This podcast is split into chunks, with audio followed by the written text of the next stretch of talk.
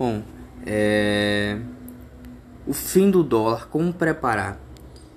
Esse é o vídeo tá, que, que foi pedido para, para a gente tirar alguns pontos importantes, alguns pontos relevantes. E eu separei algumas ideias, algumas ideias aqui, como por exemplo sobre a hiperinflação, que é o primeiro tópico que ele, que ele ressalva no início do vídeo.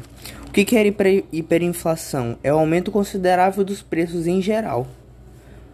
Ou seja, todos os preços é, em geral estão aumentando em todos os setores. E aí, com o aumento da hiperinflação, o valor do dinheiro vai diminuir cada vez, cada vez mais. As coisas vão ficando mais caras, mais caras, e o dinheiro vai perdendo mais e mais valor com o decorrer dos anos. Certo? Um outro tópico que, que eu achei bem importante foi em referente à conferência de 1944, que foi a Bretton Woods, que foi a Conferência da Reconstrução do Capitalismo, onde é, a riqueza de um país era, ela era atrelada ao ouro. Se um país quisesse ter mais se um país quisesse ter mais dinheiro, imprimir mais dinheiro, ele tinha que ter mais ouro. Ele só poderia imprimir determinada quantidade de dinheiro se ele tivesse essa determinada quantidade de ouro em sua é, em seu país. Então, essa conferência era isso.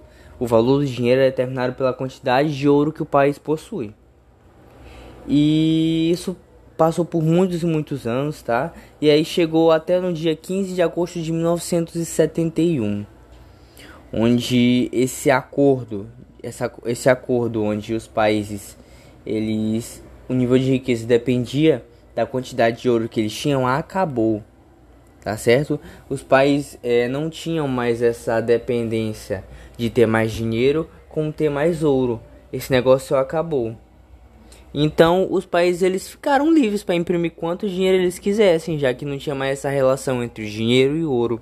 E aí os países começavam a imprimir muito mais e mais e mais dinheiro, e aí consequentemente, é, quanto mais é, impressão de, de dinheiro de dinheiro a gente possui, mais vão, se, vão ser circuladas esses dinheiro, tá? Mais dinheiro vai ser circulado e consequentemente os mercados vendo que as pessoas têm mais dinheiro, que tem, as pessoas têm mais dinheiro, estão circulando mais esse dinheiro, eles vão consequentemente aumentar os preços de tudo. Ou seja, os preços de tudo vão ser aumentados. E aí consequentemente vai gerar a, a hiperflação o aumento considerável da inflação.